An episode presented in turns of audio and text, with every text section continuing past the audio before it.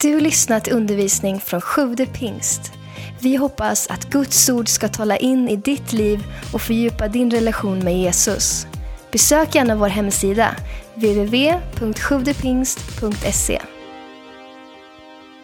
Hörrni, vi ska börja med att läsa ett bibelord ifrån andra Timoteusbrevet kapitel 4 och vers 8 så ska vi bara hitta någonting här som jag skulle vilja plocka upp och ta med mig in i den här predikan. Det står så här i andra Timoteusbrevet 4 och vers 8. Nu väntar mig rättfärdighetens segerkrans. Den ska Herren, den rättfärdige domaren, ge mig på den dagen. Och inte bara mig, utan alla som älskar hans återkomst. Alla som älskar hans återkomst. Och du vet, det är någonting speciellt med att, att liksom vänta på någonting, att vänta på en ankomst.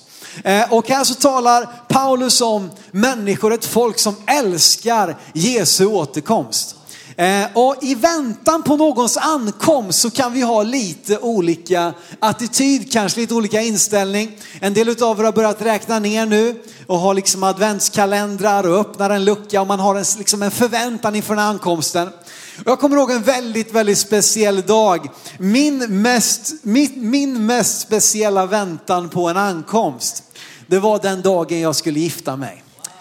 Oj, oj, oj, oj, oj. Vi var lite så, eh, jag vet inte vad det är norskt eller amerikanskt eller vad det är för tradition, men i alla fall så var det så att jag stod då framme eh, vid scenen i Dala kyrka och så stod jag där framme och väntade.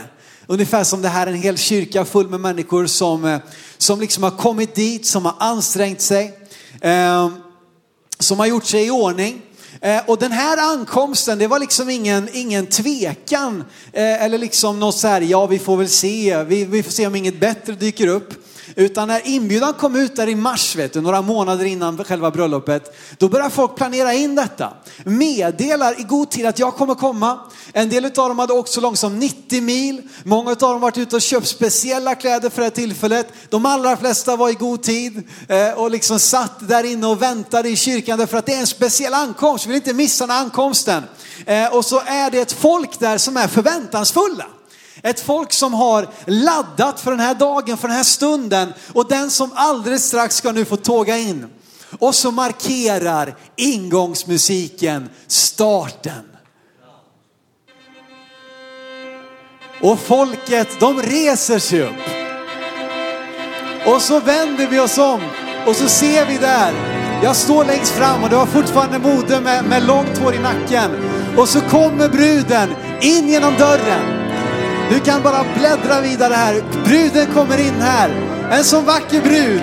Och de skrider fram i mittgången. Där går de sakta och stiligt. Och långt där framme står jag. Och så får jag ta emot min brud och leda henne de sista stegen fram till altaret. Och där fick vi stå och säga vårt ja till varandra. Vilken, vilken grej alltså, va? Fantastiskt. Ja, det är bra. Ni, ni var liksom hyfsat med här i alla fall och förstod vad som, vad som skulle hända. Vilken dag, vilken ankomst. Den väntan här framme, de här minuterna när jag stod där framme, det är den häftigaste, alltså det är på riktigt till dags dato den häftigaste känslan i mitt liv. Och stå där framme och så ser jag Karro komma ingåendes, den vackraste människa jag någonsin har skådat. Och så få ta emot henne. Det är lite annorlunda väntan eller förväntan när det ringer en of, of, eh, oförskämd, jag säga, okänd eh, eller oväntad försäljare på dörren. Tänk du vet, de kommer och plingar på, Karo springer och gömmer sig någonstans och säger du får ta det. Och så kom jag ut där liksom och jag, du vet, de kommer alltid när man är lite småtjurig och irriterad eller lite stressad. Och så kommer jag öppna dörren så här och ja, ska ni ha något larm? Nej, ja, nu, nu, jag ska inte, ja. I alla fall i mitt liv då. Så, så jag har sagt det flera gånger till de som vill sälja larm att vi tror på Gud i det här huset så att vi har en annan typ av beskydd. I alla fall, du vet, det är två stycken ankomster. Två stycken ankomster, två helt olika typer av bemötande. Två helt olika typer av förväntan. Och min fråga nu när vi har advent, som betyder just ankomst, och inte vilken människa som helst utan Jesus Kristus. Det är hans ankomst vi talar om. Vad har du för typ av förväntan? Vad har du för typ av förberedelse i ditt hjärta, i ditt liv? När du förbereder dig för att ta emot kungars kung och herrars herre. Och vi räknar ju ner nu högtiden till en dag då Gud blir människa och föds genom jungfru Maria. Men det fantastiska är att han redan har kommit. Och det också mest fantastiska är att han ska komma åter. Det är så ofta så när vi läser Bibeln, Guds ord, så finns nästan alltid det här tredimensionella perspektivet. Det är både någonting som har hänt, det är någonting som är här, nu, nu, här och nu och det är någonting som ska komma. Och så också med advent, så också med, med julen och allt vad den innebär. Jesus har redan kommit, han är här idag och han ska komma åter. Och vad är det för typ av förväntan? Hur tar vi emot honom? Hur förbereder vi oss för hans ankomst? Och nu ska jag läsa exakt det bibelordet som, som Linda inledde med här. Eh, och det är inte så fantastiskt på första advent för det finns väl en handfull bibelord som ofta nämns då. Men jag tyckte ändå det var härligt att det var det du valde här att läsa. Så jag ska läsa det igen i psalm 24. Eh, och jag har också den här bilden då av att jag har ju hört talas om när, när, när eh, ja, jag har gått och sjungit på den här sången. Det är en gammal och häftig, häftig psalm. Jag har sjungit allt vad jag orkat hemma och Karo har undrat vad, vad håller du på med ungefär? När jag säger gör en portar vida och så vidare. Vi ska läsa istället då, psalm 24 eh, och vers 7 till, till 10. Kanske får ta en liten solo ride här. Vem vet. Det står så här i alla fall. Höj era huvuden, ni portar. Höj er, ni eviga dörrar, så att ärans konung kan tåga in. Vem är han, ärans kung? Det är Herren stark och väldig, Herren väldig i strid. Höj era huvuden, ni portar. Höj er, ni eviga dörrar, så att ärans kung kan tåga in. Vem är han, ärans konung? Det är Herren Sebaot. Han är Herrens konung, Sela. Och därför är min rubrik på den här predikan, gör portarna höga. Gör portarna höga. När vi förbereder oss för Jesu ankomst så tror jag att vi ska ha en attityd, både i våra liv, i vår kyrka, att vi vill göra portarna höga. Det vittnar om någonting. Eh, det, och man tror att den här salmen skrevs i samband med att David förde eh, eh, förbundsarken upp i Jerusalem att den hade varit ute på landsbygden. Eh, men nu har David bestämt sig, nej vi ska ha förbundsarken och tabernaklet, det ska vara mitt i folkets mitt. Det ska vara i huvudstaden, på, på Moria berg, på, på, på, på liksom tempelberget, eller det var inte det då men det skulle bli det. Där ska vi ha det, mitt bland folket. Och när man då för in det här förbundsarken in så tror man att den här skrevs i samband med det, eh, den händelsen. Eller kanske för att minnas den händelsen. Och så stod man där och folket, man ville öppna portarna. Låt portarna vara höga för nu kommer han. Ärans konung, själva liksom symbolen för Guds närvaro, förbundsarken bärs in i, i mitt ibland folkets mitt. Och så tar man emot honom. Och man proklamerar, vem är han? Jo, han är ärans konung. Han är Herren Sebaot. Han är väldig i strid. De skämdes inte. Och likadant är det så att det är det här också som, som, som det kopplar med när Jesus då träder in som, som den nya bärare av det nya förbundet så rider han in på en åsna. Och precis som det står om i Matteus 21 och flera av de andra evangelierna så kopplar det också med den här händelsen, med den här profetiska texten om att ärans konung rider in. Han kommer ridandes på en åsna i ödmjukhet, bärare utav frid och fred så träder han in där. Eh, och så ser vi då hur folket tog emot honom. De tar emot honom med, med glädje, med stolthet. De skäms inte, de jublar. De säger Hosianna, Davids son, välsignade han som kommer i Herrens namn. Och de viftar med, med, med palmblad vet du. Och de lägger sina kläder på marken bara för att visa sin vördnad. Och de säger att här ska det finnas plats, här ska det göras bana väg för Herren. Gör en plats så att Gud kan få träda in i våra liv. Hur tar vi emot Gud? Hur öppnar vi våra gudstjänster? Hur förbereder vi våra hjärtan i, i gemenskap, i bön till Jesus, till kungars kung och herrars herre? Jag tror inte att Gud kräver lyx. Jag tror inte att Gud kräver eh, liksom någonting överdådigt. Tvärtom visar ju hans födelse raka motsatsen.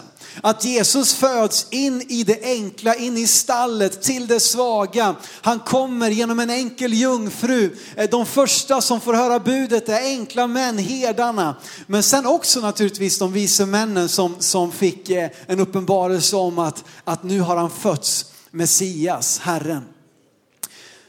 Så jag tror inte att Gud kräver lyx och flärd. Men jag tror att vi som mottagare ska ha en attityd av att hedra, uppskatta, värdera. Precis som vi gör när vi förbereder oss för en vigsel. Det är ingen som vill komma in tio över på en vigsel. Det är, om inte annat så, du som har gjort det vet att det är lite skämmigt. För att man vill inte komma där liksom och, och, och liksom tackla sig förbi bruden in och ta, hitta en plats liksom. Nej, man kommer förberedd. Man, är liksom, man, man har tänkt vad man ska ha på sig och jag, jag förordar verkligen inte att man ska känna att åh, jag, jag kan inte gå till den här kyrkan för man måste ha så fina kläder, absolut inte. Men utifrån, utifrån vem jag är så kan jag tänka att jag vill ta på mig någonting som jag, som jag trivs med, någonting som jag, som jag liksom gillar, eh, någonting som jag vill ha när jag firar gudstjänst. Eh, man är förberedd, man tar emot. Men hur är det i våra liv? Jag tror att det ska märkas, synas, få ta plats. Vi kan ibland behöva ödmjuka oss och böja oss ned. Jag vet inte om ni har varit vid födelsekyrkan i Betlehem som markerar den historiska platsen för Jesu födelse. Eh, men där så är det så att man har en jätteliten port in. Visst är det födelsekyrkan? Jag säger inte fel. Ja. En jätteliten port. Eh, och där ska alla gå in och då måste alla böja sig. Och det är liksom en poäng eh, med den grejen att när man kliver in här, oavsett om man är kung eller eh, liksom en vanlig eh, medborgare eller rik eller fattig, så ska alla böja sig ner för att komma in i den här porten. Man böjer sig inför den som man är på väg att så att säga hedra. Men när Jesus kommer, han ska inte behöva böja sig. Han ska inte behöva tränga sig in, han ska inte behöva liksom fråga, komma och, och rycka i låsta dörrar. När ärans konung kommer, då ska portarna vara höga. Då ska det, vara liksom, då ska det synas och märkas och få plats. Höj era huvuden. Höj era huvuden. Eh, och det här tror jag handlar både om liksom eh, rent, rent fysiskt i vår byggnad, att det, att det, det, liksom, det ska finnas plats. Men också är det en attityd här utav att höja våra huvuden, att vara på alerten, att vara fokuserade. Och precis på samma sätt då som, som sagt när vi vid en vigsel och alla reser sig upp för brudparet eh, så tror jag, det, varför, varför säger vi och varför uppmuntrar vi varandra att stå upp? Jo, därför att vi är på väg att välkomna kungars kung och herrars herre. Det är en attityd av att hedra, en attityd av att, av att lyfta upp Herrens namn. Att inte skämmas. Och igår när jag satt och läste min, eh, min eh, bibel så, så bara poppade det upp också det här bibelordet Jesaja 40. Jag hade inte förberett det i min predikan men så läste jag det och så bara wow det är exakt det här jag ska predika om. Jesaja 40 som är profetian om Johannes döparen eller ja, som sedan kom och, och och fylldes genom Johannes döparen. Och vi sjöng ju, jag, jag stod och tänkte på det när vi har sjungit de här sångerna. Typ alla de här är ju de här bibeltexterna eh, på olika sätt.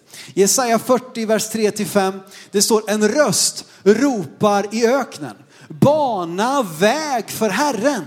Gör vägen rak i ödemarken för vår Gud. Varje dal ska höjas, alla berg och höjder ska sänkas, ojämn mark ska jämnas, kuperat land blir slät mark. Bulldozer somebody.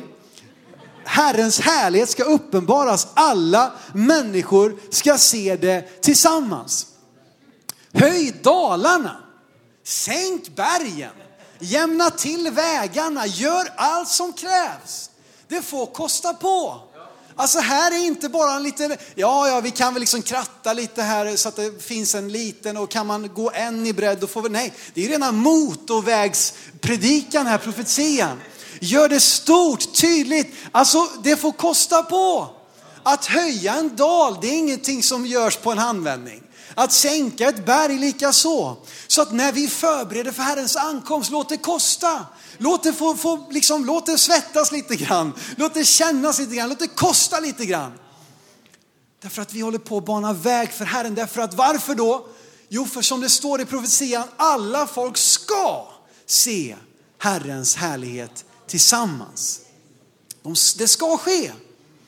Och frågan är, är vi som hans folk med och gräver djupare och djupare dalar och högre och högre toppar så att det blir svårare och svårare att ta till sig, svårare och svårare att komma med, svårare och svårare att hitta fram. Eller är vi med med det vi gör, är vi med och liksom gör det enklare, rätar ut vägarna, sätter upp skyltar. Här, här är det. Hitåt ska vi. Här finns Jesus, här finns världens hopp. Här kan du få möta glädje, här kan du få möta kärlek, här kan du få ett hopp om ett nytt liv. Är det det vi talar om eller är det liksom man får krypa någonstans och undra med ljus och lykta här liksom, vart är det någonstans? Och är det ens någon som, är det ens dörrarna öppna? Nej, det är nedsläckt och det är lite halvlåst och, och du, får gå, du får gå runt där och så där bak, där finns det en dörr som, som och liksom nyckeln den ligger under stenen där och så kanske om du är riktigt liksom, det ska kosta att få, få komma och fira gudstjänst, det ska kännas, nej. Det ska vara enkelt för människor att komma det ska, vara, det ska vara självklart för människor att här kan jag få möta den där Jesus. Här så är det. Man ska inte behöva tveka en sekund på vart man har kommit. Därför att vägen är så tydlig, den är så klar. Amen. Det fortsätter här i salmen med den här frågan, kanske retoriska frågan, men de säger i alla fall, vem är han? Alltså jag tror att det är en fråga som är väldigt aktuell fortfarande än idag. Vem är han? Vem är det vi pratar om egentligen? Vem är det vi sjunger om? Vad, vad, vad, vad är han bärare utav? Visst, ni pratar om Gud och Jesus och Bibeln och allting, men, men vem är han egentligen? Och då var det ju så här att de svarade, och man tror också att den här salmen sjöngs utanför templet. Att det var portarna in till templet var stängda, folket stod utanför och så sjöng man den här sången. Och så ropade folket eh, utanför och prästerna svarade. Och det var liksom, ja det var, det var någonting som, som liksom, det kändes på något sätt. Man upplevde den här salmen eh, som, som judarnas folk eh, när man var inför templet. Men man frågar i alla fall, vem är han? Och då så säger de, det är ärans konung. Eller de, säger, de frågar, vem är han, den är ärans konung? Och svaret är solklart. Svaret är tydligt, det kommer av en reflex. Det är Herren. Det är Herren Sebaot. Stark och väldig. Jag känner jag spottar fram den här predikan idag, men det är väl, får vara lite fire så här på första advent när vi tänder ljus och så vidare. De tvekar inte en sekund, det är Herren Sebot. Jag älskar hur levande Bibeln beskriver honom. De säger så här, Herren stark och väldig, oslagbar i strid. Det står inte bara mäktig i strid. Alltså, det är inte liksom bara så att han är, han är liksom the, the, the now ruling champion som har liksom det här boxarbältet just för tillfället. Nej, han är oslagbar i strid. Det är den vi talar om. Vem är han? Det är Herren Sebaot, stark och väldig, oslagbar i strid. Wow! Låt oss vara en församling som talar om för människor vem han är. Låt oss sjunga sånger som vittnar om vem han är. Låt våra lovsånger, våra bibelord vi läser, allt det vi gör, låt det tala om vem han är. Låt inte människor gå härifrån med fler frågetecken än de hade när de kom hit. De människor kommer hit bärandes på frågor, kanske du är här idag och undrar, vem är han? Är han någonting för mig? Är han levande? Är det här på riktigt? Och då vill jag tala om för dig, ja det är det. Jesus älskar dig. Gud sände sin son hit till jorden för att dö i ditt och mitt ställe, för att var och en som tror på honom ska få evigt liv och inte gå under. Det är honom vi talar om. Och han är levande än idag. Han var, han är och han kommer. Han är här mitt ibland oss. Han säger i sitt ord, där två eller tre är samlade i mitt namn är jag mitt ibland er. Denne Jesus, denne ärans konung, är här. Wow, vem är han? Och vi kan inte ta för givet att alla vet. Vi kan inte bara samlas, jo men vi vet väl alla hur det går till och vi har väl hört det här förut och som vi alla vet och som ni vet att det står i Bibeln. Du vet, vi kan prata på det här sättet. Att en människa som är oinvigd, som inte vet allt det där, känner bara okej, okay, det här är visst bara för de redan invigda. Det här måste man nog gå liksom och plugga ett år på någon slags teologisk skola innan man kan börja förstå vad de talar om. Nej, vi kan inte ta för givet att människor vet. Faktum är att vi lever i ett av världens mest sekulariserade eh, länder. Och då måste vi göra stora ansträngningar för att göra oss förstådda. Vem är han? Vad är meningen med mitt liv? Finns Gud? Finns det en chans för mig? Älskar Gud mig? Det här är frågor som jag tror att så många människor bär på. Men de kanske är tveksamma på om de kommer hitta svaret på den frågan här. Men låt oss vara människor, låt oss vara en kyrka som med våra liv visar att här är du välkommen. Här kan du komma, här kan du få svar på dina frågor. Här kan du möta den levande guden. Han är Herren, stark och mäktig, oslagbar i strid. Och vi kan läsa också från Matteus 21 som ju handlar just om när Jesus red in i Jerusalem. Och vi ser att också då kommer samma fråga. Det blev en uppståndelse i staden. Alla hörde, det syntes och märktes. Och folket undrade vad är det som är på gång när den här mannen kommer ridandes på en åsna. Och så läser vi där i Matteus 21 och vers 10 och 11 att också då var den frågan levande. Och det står så här, när han drog in i Jerusalem kom hela staden i rörelse och man frågade, vem är han? Vem är han? Vem är den här ni pratar om? Vem är det som är som uppståndelse kring? Vad är grejen med, liksom, vad, vad är det som händer? Folket svarade, det är profeten, Jesus från Nasaret i Galileen. Och jag tror att det här med att det blir lite uppståndelse, att det är vägar som syns, det är skyltar som är stora, det är anslag som, som man ser, som man lägger märke till. Det väcker en nyfikenhet. Och det är exakt det vi vill göra med The Sorrow Christmas nästa helg. Vi vill att det ska vara någonting som skapar uppståndelse, någonting som sätter hela stan i rörelse, någonting som, som syns och blinkar och hörs. Och man undrar, vad är det här för någonting? Vem är det ni talar om? Varför, är ni, varför sjunger ni så mycket? Varför är det så billigt på så här bra konsert egentligen? Jo, men det är för att det här handlar om Jesus. Det är Jesus från Nasaret, Gud, Gud, kungars kung och herrars herre, Guds egne son. Vem är han? Det är Jesus. Låt oss vara ett folk, en församling som talar om, som proklamerar. Som inte luddar till och ska börja snurra till. Ja, vi vet inte om Jesus var jungfrufödd och ja, vi vet inte om han dog för våra synder och ja, vi vet inte om vi kan tro på Bibeln. Nej, låt oss proklamera lika självklart som i salmen. Vem är han? Det är Herren Sebaot. Och vad betyder det egentligen? Herren härskarornas Gud. Han har befälet över himlens alla arméer. Det är en mäktig man. Det är en mäktig Gud.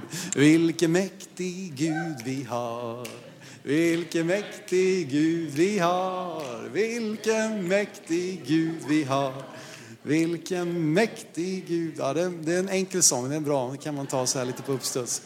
Ah, sorry, jag fick lite feeling här. Men det, är, det, det är den guden vi talar om. Den här salmen slutar med ett uttryck som återkommer lite då och då i Saltaren, nämligen uttrycket sela. Sela. Och kanske att det där är ett sånt där ord som du bara läser förbi. Och det är ju ett av de orden också som inte så att säga har översatts, utan det står där i sin, ja i alla fall så nära liksom grund, grundspråket som, som vi kan skriva på svenska så att säga. Sela. Man är lite osäker på vad det där uttrycket betyder egentligen. Vad är det där? Sela och och man tror kanske att det är liksom musik, en musikalisk angivelse, att nu så, eh, vad vet jag, nu är det mellanspel eller nu tar vi det från början eller kör eh, refrängen en gång till eller vad det nu är för någonting. Men jag älskar också hur The Amplified Bible och en del andra engelska översättningar uttrycker det. I Amplified Bible så står det så här, när det står sela så står det inom parentes, pause and think about it. Sela, stanna upp Tänk en stund. Begrunda. Vad är det här för någonting? Vad betyder det här för mig? Och jag tror att det är så vi kan ta till oss när Sela dyker upp i Saltaren. Och egentligen, du kan ju ta det, du kan ta en liten selapaus vart du vill i Bibeln. Men när du kommer, du har läst bibelordet och du har sett någonting i det, det har kommit en sanning till dig. Bara stanna upp. Vad betyder det här för mig? Om det här är sant, det som står här, vad gör det med mig i mitt liv? Stanna upp, tänk efter, fundera, ta emot, ta ställning. Vad betyder det här för dig? Om Jesus är ärans konung, som den profetiska texten i Gamla Testamentet talar om, och som vi påminns om i de här texterna om när han rider in i Jerusalem. Om han verkligen föddes genom jungfru Maria som Guds egen enfödde son. Om han verkligen levde här på jorden. Om han dog för mig. Vad innebär det i mitt liv? Jag tror att utifrån det som jag har talat om här så kan det finnas några saker som du behöver ta ställning till nu. Inte bara låta det här bli ännu ett gudstjänstbesök som en i raden utav många hundra kanske, eller vad vet jag. Utan vad betyder det här för mig? Finns det en attityd som jag behöver förändra? När det kommer till mitt mottagande, min väntan på Jesu ankomst. Mitt gudstjänstfirande, mitt andaktsliv, mitt tjänande. Har jag börjat tappa bort perspektivet av vem det är jag egentligen tjänar? Har jag fått en attityd som är att ja, det får väl duga? Börjar jag ta emot Jesus som jag gör med, med, med okända folk som knackar på dörren? Eller är jag, lever jag ett liv där jag är förberedd, där jag väntar, där jag värdesätter, värderar Jesu ankomst? Finns det en attityd som du behöver ändra, som jag behöver ändra? Finns det en strid jag behöver lämna till Gud? Jag älskar att det står att det är Herren Sebaot, han är väldigt stark och väldig, oslagbar i strid. Kämpar du en strid själv, i egen kraft? Är det så att du tar den där fighten som Jesus har tagit åt dig? Är det så att du försöker vinna en strid, ett krig, ett slag som du inte klarar av i din egen, i din egen kraft? Är det så att du behöver låta striden bli Herrens? Överlämna det åt honom. Och låta honom segra i ditt ställe. Finns det en strid du behöver lämna till Gud? Finns det ett beslut som du behöver fatta? Är Jesus konung i mitt liv? Om han är ärans konung och man proklamerar det och alla andra säger det och jag är här i, i liksom, firar gudstjänst och jag går till kyrkan och allting. Men i mitt eget liv, sjunger jag med? Stämmer jag in i mitt liv att han är ärans konung? Kanske det är dags för dig att överlåta herradömet över ditt eget liv åt Jesus. Att du får lämna dig själv åt honom. Att du får överlämna ditt liv i Jesu hand. Att du får bekänna honom som kung, som herre, som frälsare i ditt eget liv. Att låta honom tåga in också i mitt hjärta. Att inte bara ha dörren lite grann på glänt. Att inte ha säkerhetshaspen på. Utan gör portarna höga in i ditt liv. Öppna upp ditt hjärta på vid gavel. Släpp in Jesus med allt det som han är. Med allt som han vill göra för dig. Håll inte igen. För så ofta tror jag att vi lever liksom lite grann, vi har en, lite, vi har en annan utväg. Vi, vi liksom har lite, lite Jesus och lite annat och om det dyker upp något bättre så har jag, vet jag vart jag ska liksom springa iväg. Jag tror det är dags att, kanske för någon, att öppna upp ditt hjärta på vid gavel. Jesus vill inte krypa in genom källarfönstret. Han vill tåga rakt in i ditt hjärta och förvandla dig inifrån och ut. Ska vi stå upp tillsammans och bara läsa ett sista bibelord ifrån Uppenbarelseboken kapitel 3 och vers 20. Och så vill jag att du ska fundera i ditt, i ditt liv, i ditt hjärta, om det är någonting av detta som jag har nämnt som det är dags för dig att se en förändring i ditt liv. Det står så här i Uppenbarelseboken 3 och vers 20. Se, Jesus är det som talar. Jag står vid dörren och knackar. Om någon hör min röst och öppnar dörren ska jag gå in till honom och hålla måltid med honom och han med mig. Amen. Vet du vad Jesus han är här och han knackar på ditt hjärtas dörr. Han, han söker efter dig. Han längtar efter dig. Han älskar dig. Men det är bara du som kan öppna ditt hjärtas dörr. Det är någonting som faktiskt Gud inte kan göra åt dig. Han kan vinna striden, men han kan inte öppna ditt hjärtas dörr. Det är bara du som kan göra det. Jag skulle vilja uppmuntra dig just nu att bara sluta dina ögon där du står. Sagt, behålla, behålla den här atmosfären utav på något sätt vördnad och helighet. Att ett sela moment, en sela paus. Och så vill jag fråga dig, kanske att du känner att det var något av det här som talade till dig. Attityder kring hur du tar emot Jesus i ditt liv. Strider du behöver överlämna åt honom. Men också det viktigaste av allt, kanske beslut som du ska fatta idag. Tack för att du lyssnat. Glöm inte att du alltid är välkommen till vår kyrka. Du hittar mer info på www.sjuvdepingst.se